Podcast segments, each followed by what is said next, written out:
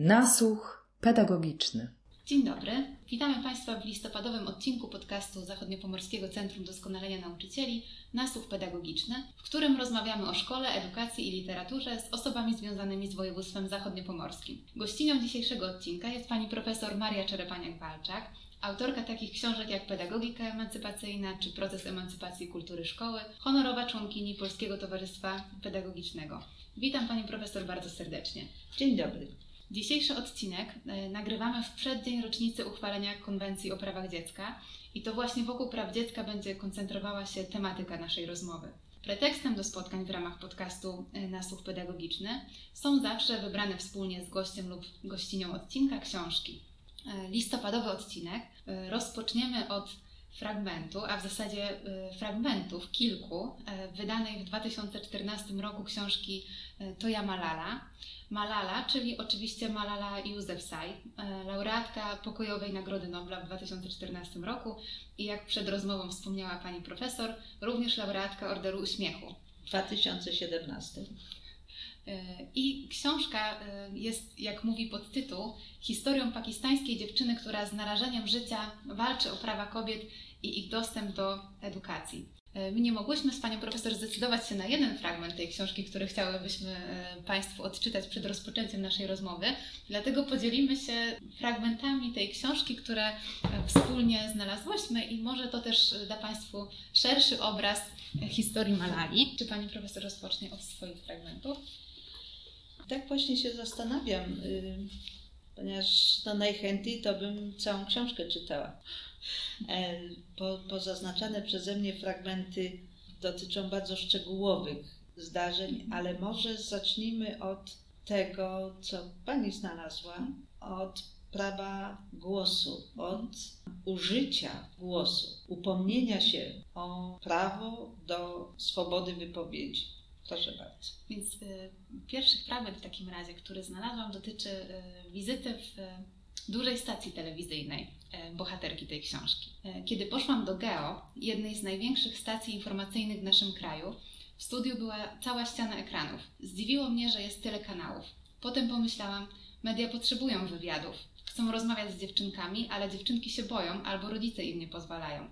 Ja mam ojca, który się nie boi i stoi za mną murem. Powiedział: Jesteś dzieckiem i masz prawo mówić. Im więcej udzielałam wywiadów, tym czułam się silniejsza i tym większe poparcie dostawaliśmy. Miałam dopiero 11 lat, ale wyglądałam na starszą, a media chętnie udzielały głosu młodej dziewczynie. Tak, ja nie chciałabym, żebyśmy się skupiły tylko na edukacji kobiet, na prawie do edukacji kobiet, ale szerzej na prawie do edukacji. I między innymi w tej książce na stronie 107 czytam taki fragment o tym, jak organizacje konfesyjne troszczą się o wychowanie chłopców. Po kataklizmie, po wielkim kataklizmie, po wielkim trzęsieniu ziemi, dużo z wielu stron świata, dużo pomocy napłynęło do Pakistanu. No i właśnie w punkcie mm, centralnym znalazła się edukacja chłopców, ale specyficzna edukacja chłopców.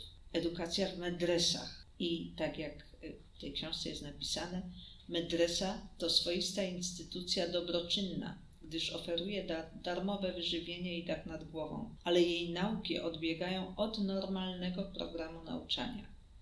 Chłopcy uczą się Koranu na pamięć, kołysząc się przy tym w przód i w tył. Uczą się, że nie ma czegoś takiego jak nauki ścisłe i literatura, że dinozaury nigdy nie istniały, a człowiek nie poleciał na księżyc. To, to, to się dzieje współcześnie, ale to odsłania skalę zagrożeń dla edukacji nie, nie tylko tych zagrożeń, które wynikają z takich postaw e, ksenofobicznych, postaw rasistowskich. Właśnie dzisiaj e, otrzymałam taki artykuł, jak poradzić sobie z rasizmem w klasie, a jak poradzić sobie z naciskami rodziców. Kiedy myślimy o rasizmie, to też myślimy od razu o kolorze skóry, ale rasizm ma wiele twarzy. To jest też element e, interesujących nas praw człowieka. Ale wróćmy do Malali. Czy teraz y, mhm. może kolejny mój fragment, y, który, który jest y, takim fragmentem zaraz po otrzymaniu zaproszenia od sekretarza generalnego do wygłoszenia przemówienia przez Malalę na gali oświatowej. Malala pisze: Na uroczystość ubrałam się na różowo i po raz pierwszy opowiedziałam publicznie o tym, jak naruszyliśmy zarządzenie talibów i potajemnie chodziliśmy do szkoły. Jestem świadoma znaczenia edukacji, gdyż odebrano mi siłą pióra i podręczniki, powiedziałam. Ale dziewczęta ze swatu nikogo się nie boją. Uczyłyśmy się dalej. Potem dowiedziałam się, że rząd przyznał mi pierwszą w historii pokojową nagrodę. E, nie mogłam w to uwierzyć. Tamtego dnia w szkole zjawiło się tylu dziennikarzy, że prak prak praktycznie zamieniła się w studio. Tak, y, to jest y, wielkie osiągnięcie Malali.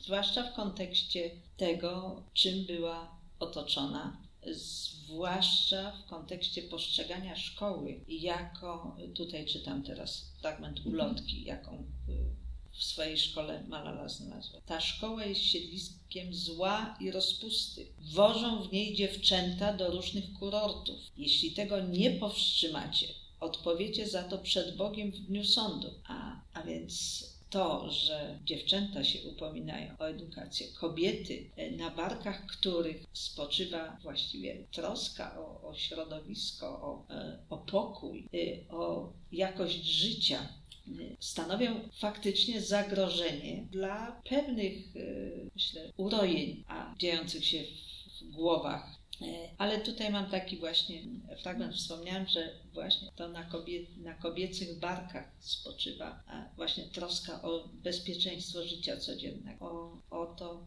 o, o pokój, o zdrowe, naturalne środowisko. E, otóż tutaj znowu w książce na stronie 167 czytam. Przy śniadaniu zaproponowałam braciom, żebyśmy porozmawiali o pokoju zamiast o wojnie. Jak zwykle nie zwrócili na mnie uwagi i dalej swoje. Kuszał miał zabawkowy helikopter. Atal pistolet z papieru. I jeden krzyczał ognia, a drugi na stanowisko. A, ale mi było wszystko jedno. Poszłam popatrzeć na swój mundurek, zadowolona, że wkrótce będę mogła znów go włożyć. E, tak mówi dziewczynka. Inaczej dorosłe kobiety reagują, ale tak sobie przypomniałam w tej chwili takie zdanie, które przeczytałam w jednym z tekstów Bertranda Russella, Russella że gdyby się wszystkie kobiety na całym świecie umówiły, że od tego dnia, od tej godziny e, przygotowują swoich synów do życia w pokoju, zajmują się afirmacją pokoju, afirmacją życia w zdrowym, bezpiecznym środowisku. Świat byłby. E, można pomyśleć utopia, ale warto zdać sobie sprawę z tego, jak ważne jest, jak ważna jest edukacja kobiet i jak ważne jest e, to, jakie wartości wyznają kobiety. Taka abstrahując od tego, o czym w tej chwili rozmawiamy. Dzisiaj kolejne informacje o dużej liczbie zakażeń, dużej liczbie zgonów. Tak się zastanawiam, ile polskich kobiet stoi e, na stanowisku, e, że trzeba się szczepić. Nie wiem, nie wiem. Słyszymy o antyszczepionkowcach, ile wśród nich jest kobiet. Tak w tej chwili przyszło mi to do głowy, żeby postawić sobie. Ile wśród nauczycieli jest takich osób, które no mają, mają swoje powody, jak mówię, żeby się nie szczepić. Ale to jest, tu znowu odrywamy się od naszego e, głównego tematu. No ale to się wszystko mieści w prawach człowieka. Dokładnie. I myślę, że do tego tematu e, pandemii też możemy wrócić w drugiej części rozmowy. A tak na początek chciałam jeszcze spytać e, panią profesor, ponieważ e, ta książka jako inspiracja do dzisiejszej rozmowy rzeczywiście była pomysłem pani profesor. I dlaczego akurat ona, zdaniem pani profesor, jest najwłaściwsza, czy jest najtrafniejszym wyborem do rozmowy na temat praw dziecka właśnie? Jest bardzo dużo książek o prawach dziecka, zarówno beletrystyki, e, jak i pamiętników, są rozprawy naukowe, ale chyba najbardziej przemawia do nas takie żywe doświadczenie. Prawdę mówiąc, to się wahałam, czy tę książkę zaproponować, czy zaproponować książkę pisaną przez rodzinę Grety Thunberg. E, ale pomyślałam sobie, że Greta Thunberg jest na ustach wszystkich i e, przeciwnicy jej wrażliwości starają się z, no, z, jakoś tak zwekslować te jej wysiłki, zasłaniając to innymi argumentami. E, natomiast w przypadku Aha, tu jeszcze dodam tak, że właściwie to, czym się, na czym skupia się Greta Thunberg, to jest, to jest nasza cywilizacja, to jest to, ten nasz świat, e, to jest osoba z naszego kręgu kulturowego. I kiedy mówimy o prawach człowieka, to myślimy zwykle o tym, co jest nam najbliższe, y, o naszym kręgu kulturowym i nie bardzo nawet zdajemy sobie sprawę z tego, jak ważne były wysiłki osób zaangażowanych właśnie w upominanie się o prawa y, i jak ważne są wysiłki do tej pory podejmowane przez osoby i grupy stojące na straży tych praw. I może łatwiej czy mocniej, wyraźniej widać to wtedy, kiedy mowa jest o czymś, co jest odległe od nas. To wtedy bardziej po, porusza naszą wyobraźnię. I stąd właśnie bohaterka i autorka dzisiejszej, dzisiejszego naszego spotkania. Czyli czy uważa Pani Profesor w takim razie, czy to, że e, jednak Malala mm, jest dość odległa, znaczy pochodzi z dość odległego kulturowo od nas e, środowiska, to wciąż może stać się inspiracją do e, działań dzieci i młodzieży w Polsce na rzecz właśnie walki o swoje prawa, mimo tego, że ta walka będzie inna i będzie dotyczyła być może trochę czegoś innego. Tak, no przede wszystkim może obudzić wyobraźnię, bo jeżeli my dyskutujemy no, prawo do edukacji, jakie prawo do edukacji, kiedy jest obowiązek szkolny, jest obowiązek nauki, to, to ta wrażliwość na prawo do edukacji znika z pola widzenia. Myślę, że, że niewiele osób zdaje sobie sprawę z tego, jak młoda, młode jest to prawo do edukacji.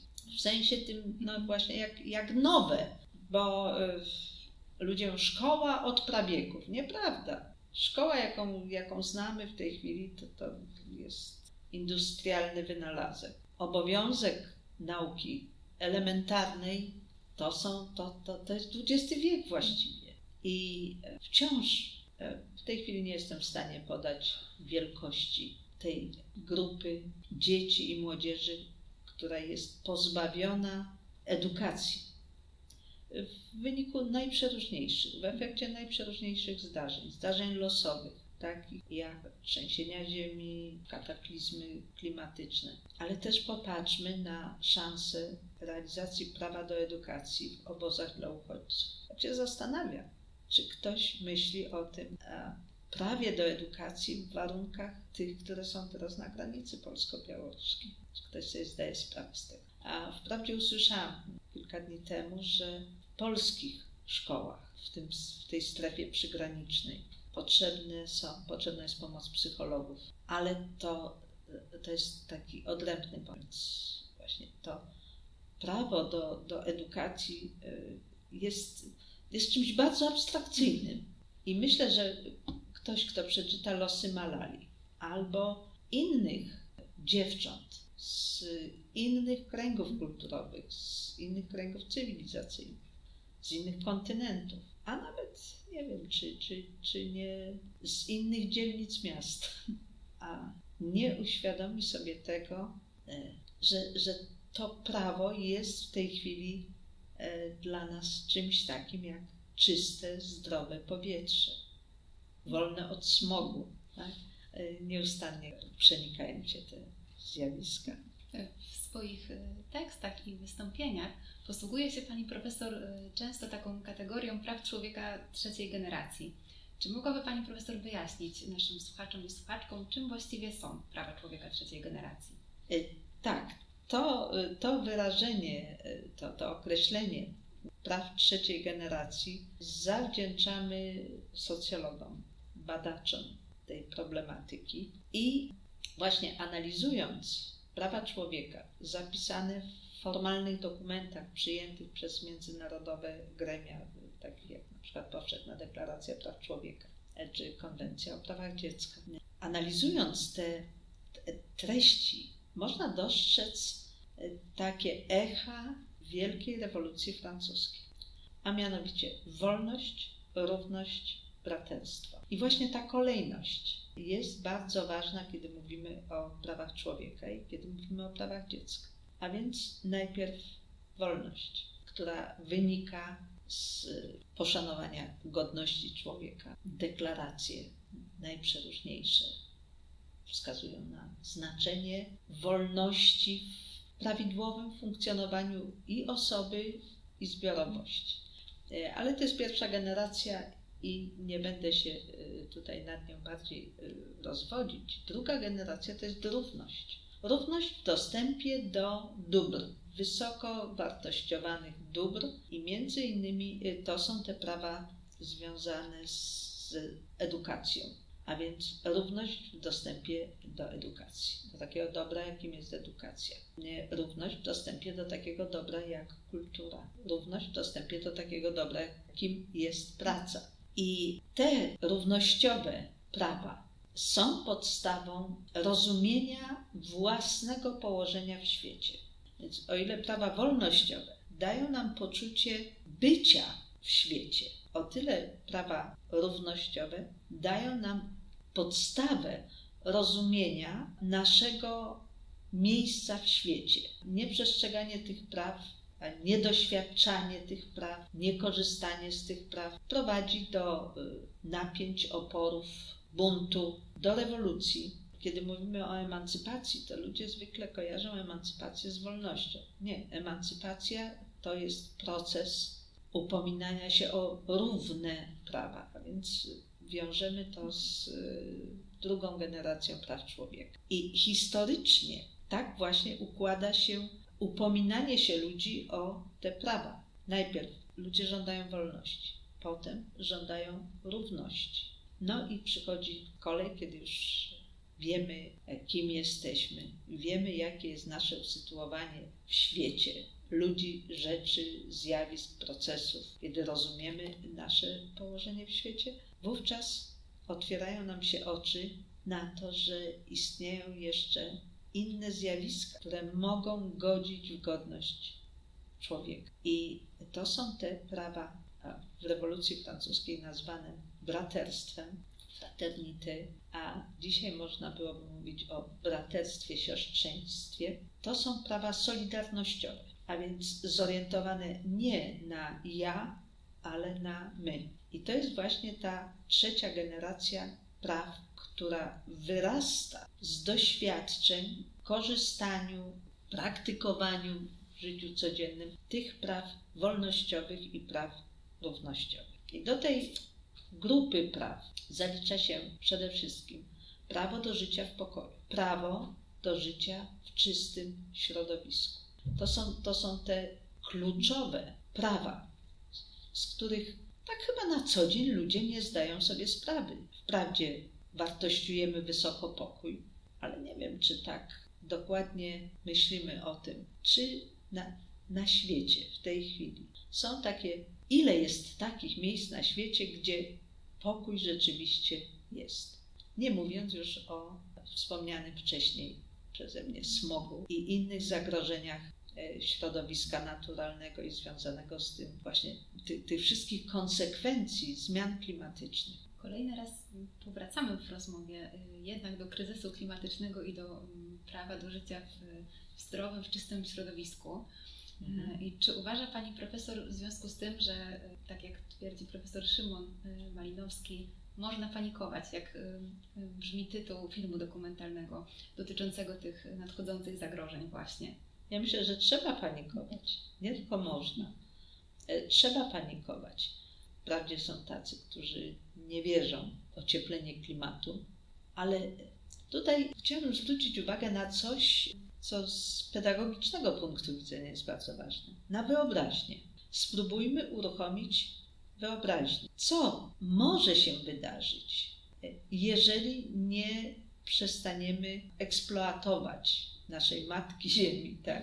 Nie przestaniemy zaśmiecać, tak? nie przestaniemy e, być nieumiarkowanymi konsumentami dóbr, które tak naprawdę, mówię, prawdę mówiąc, są dłużej wytwarzane niż spożytkowywane. Tak? Spróbujmy sobie to wyobrazić. Teraz jesteśmy spanikowani wirusem, który uderzył w świat ale topnieją lodowce. I co jakiś czas dowiadujemy się, że jakieś narzędzia pracy e, zostały, e, wypłynęły z, z tego topniejącego lodowca. Innym razem szczątki jakichś organizmów, ale także bakterie, także wirusy. Ale jak my, tu potrzebna jest, potrzebne jest uruchomienie wyobraźni. Z jednej strony wyobraźnia, z drugiej strony liczenie się z odkryciami nauki. Tak jak profesor Malinowski udowadnia, i nie tylko on, jesteśmy w bardzo krytycznym położeniu w tej chwili. I tu nie chodzi tylko już o odejście od węgla e, czy zmniejszenie metanu, ale wycinanie lasów. W ogóle nasze, nasze codzienne życie.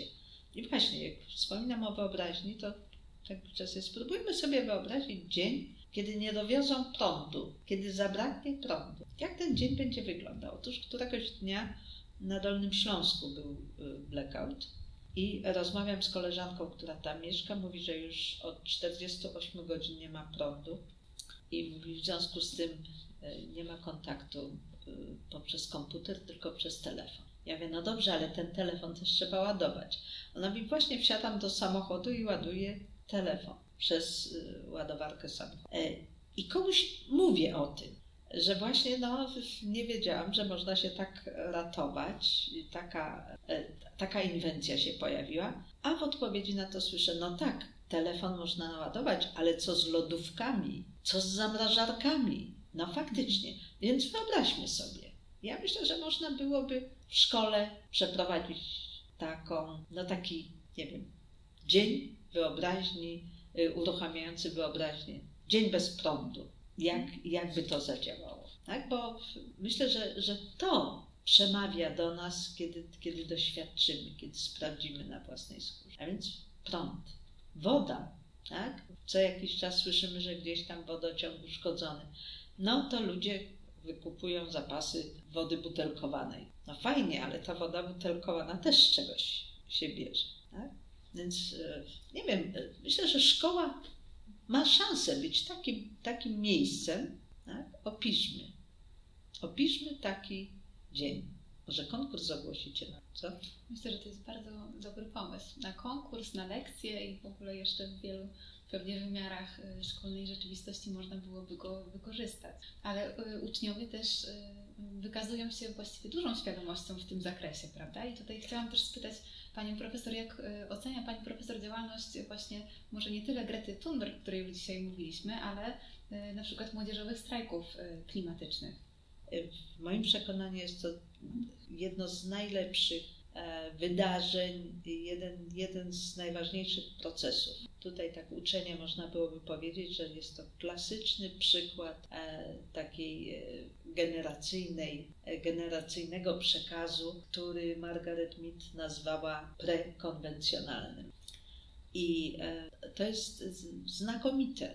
To jest znakomite, bo zwykle, kiedy mówimy o tej kulturze prekonwencjonalnej, o tej transmisji kulturowej, prekonwencjonalnej. Mówimy, e, ludzie podają przykład, że to wnuki uczą dziadków obsługi komputera czy e, telefon i tak dalej. Ale to właśnie wnuki e, mają szansę zapytać dziadków i babcie o, o, o to, tę troskę o środowisko naturalne w szerokim rozumieniu, o, o to podejście no waste, Także y, jestem y, wielką y, optymistką, patrząc na te reakcje. Szkoda tylko, że właśnie wśród dorosłych, e, niekoniecznie wśród dziadków i babci, ale właśnie wśród pokolenia rodziców, ciągle jeszcze jest taki, powiedziałabym, naiwny pogląd, tak, posługując się tutaj znowu terminologią typów świadomości.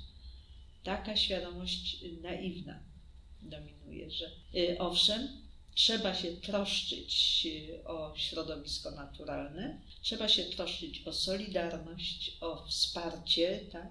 ale to inni, to, to, to nie ja, to inni.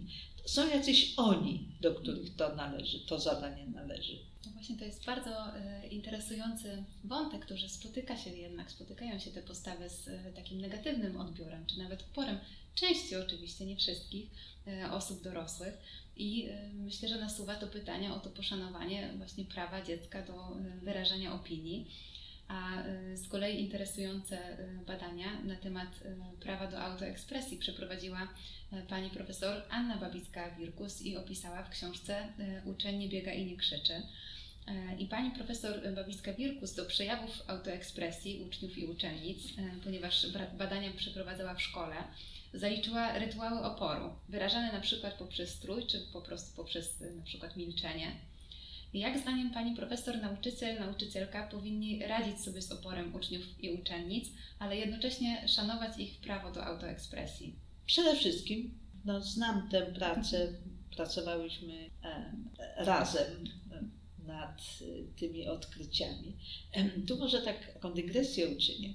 Otóż w pierwszej chwili, kiedy profesor Babicka podjęła taką decyzję, że interesują rytuały oporu, w kontekście prawa do autoekspresji, e, to e, myślenie jej i moje z początku było takie, że opór rodzi się dopiero wtedy, kiedy nie ma prawa do autoekspresji, kiedy nie ma szansy na autoekspresję. Ale właśnie po przeanalizowaniu, po, po, po takim wejściu w głąb tego prawa, y, uświadomiłyśmy sobie, że przecież autoekspresja jest wyrazem oporu. I teraz, co, co nauczyciel może zrobić, kiedy widzi porysowaną ławkę? Tak? Bo takie są mhm. przykłady w tej, w tej książce. Y, kiedy widzi graffiti. E, w moim przekonaniu pierwszym krokiem jest ustalenie przyczyny. Co jest przyczyną tego, te, tego manifestu, manifestu sprzeciwu? Na ile ten sprzeciw wynika rzeczywiście z doświadczenia opresji,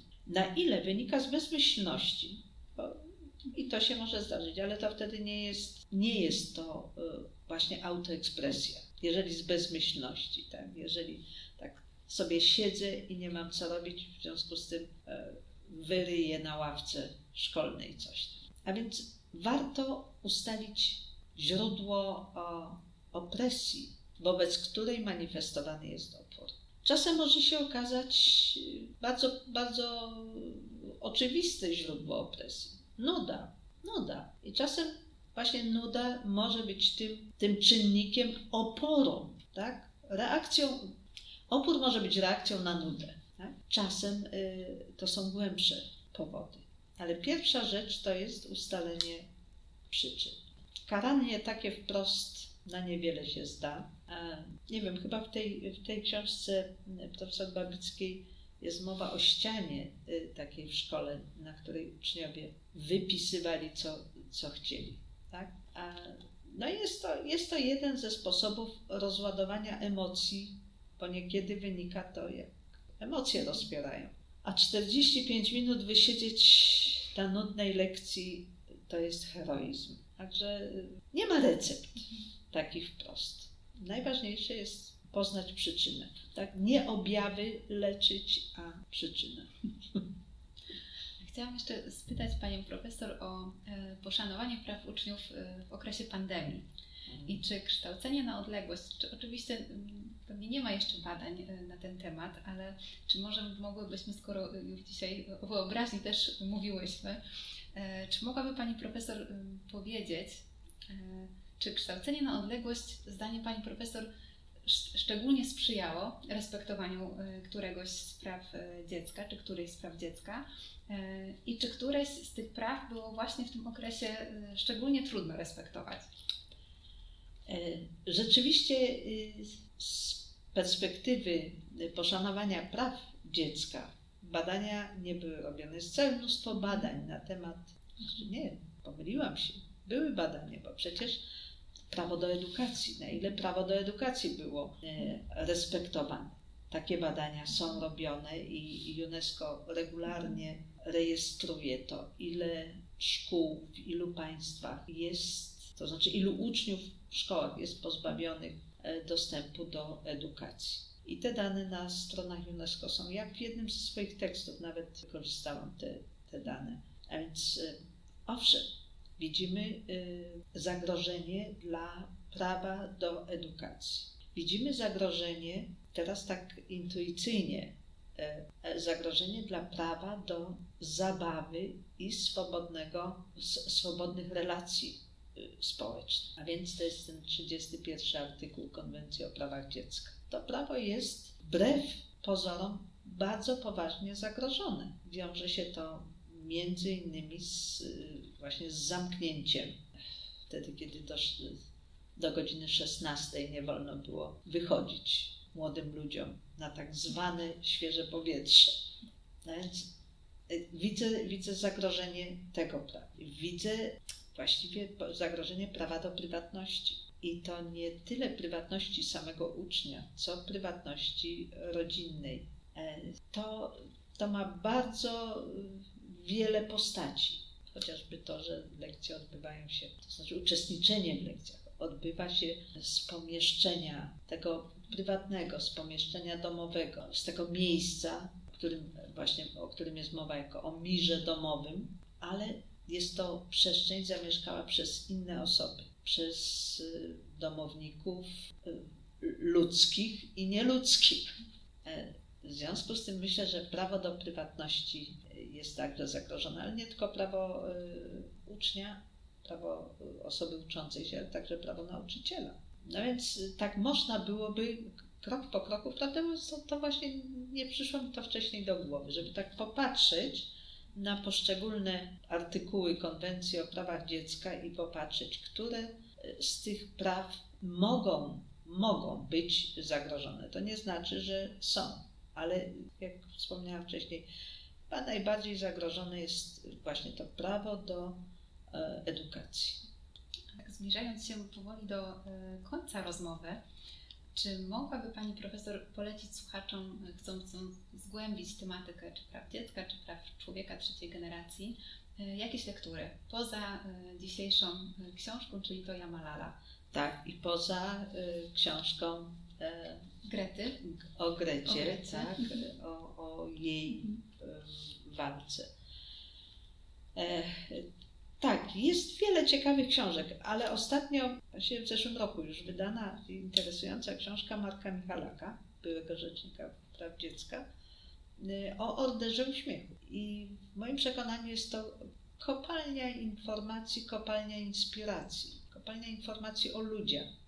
W ogóle sama idea y, orderu uśmiechu. Nie jest to lektura do poduszki, ale myślę, że wielu nauczycieli, wiele nauczycielek może to wykorzystać e, właśnie jako, jako źródło ważnych inspiracji.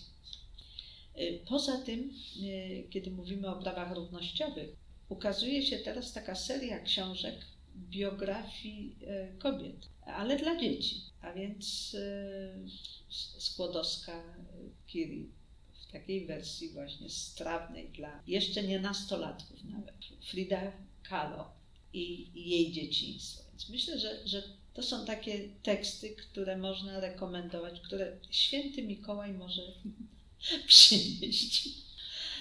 I no właśnie, nie tylko dziewczynkom, ale i chłopcom. Czy jeszcze jakieś, jakieś e, takie książki, bo tak no nie chcę też różnicować, co dla nauczycieli, a co, co dla uczniów, bo fajnie jest czytać razem, fajnie się e, wymieniać tymi tekstami. Ale myślę, że, że każdy z nas natrafi na takie teksty w przygodach Misia Puchatka czy w przygodach Muminków. Także można wyczytać wiele elementów związanych właśnie z prawami wolności, równości e, i właśnie tej solidarności, wspierania się wzajemnego, właśnie dostrzegania, że oprócz mnie istnieje jeszcze, istnieją jeszcze inne byty, które e, także mają prawo być radować się swoim byciem. Bardzo Pani Profesor e, dziękuję za dzisiejszą rozmowę, a Państwa szczególnie w kontekście e, tej ostatniej wypowiedzi e, zapraszam do odwiedzania i korzystania ze zbiorów naszej Biblioteki Pedagogicznej w Szczecinie i bibliotek w naszych oddziałach zamiejscowych i oczywiście zachęcam również do śledzenia kolejnych odcinków naszego podcastu. Do usłyszenia. Dziękuję.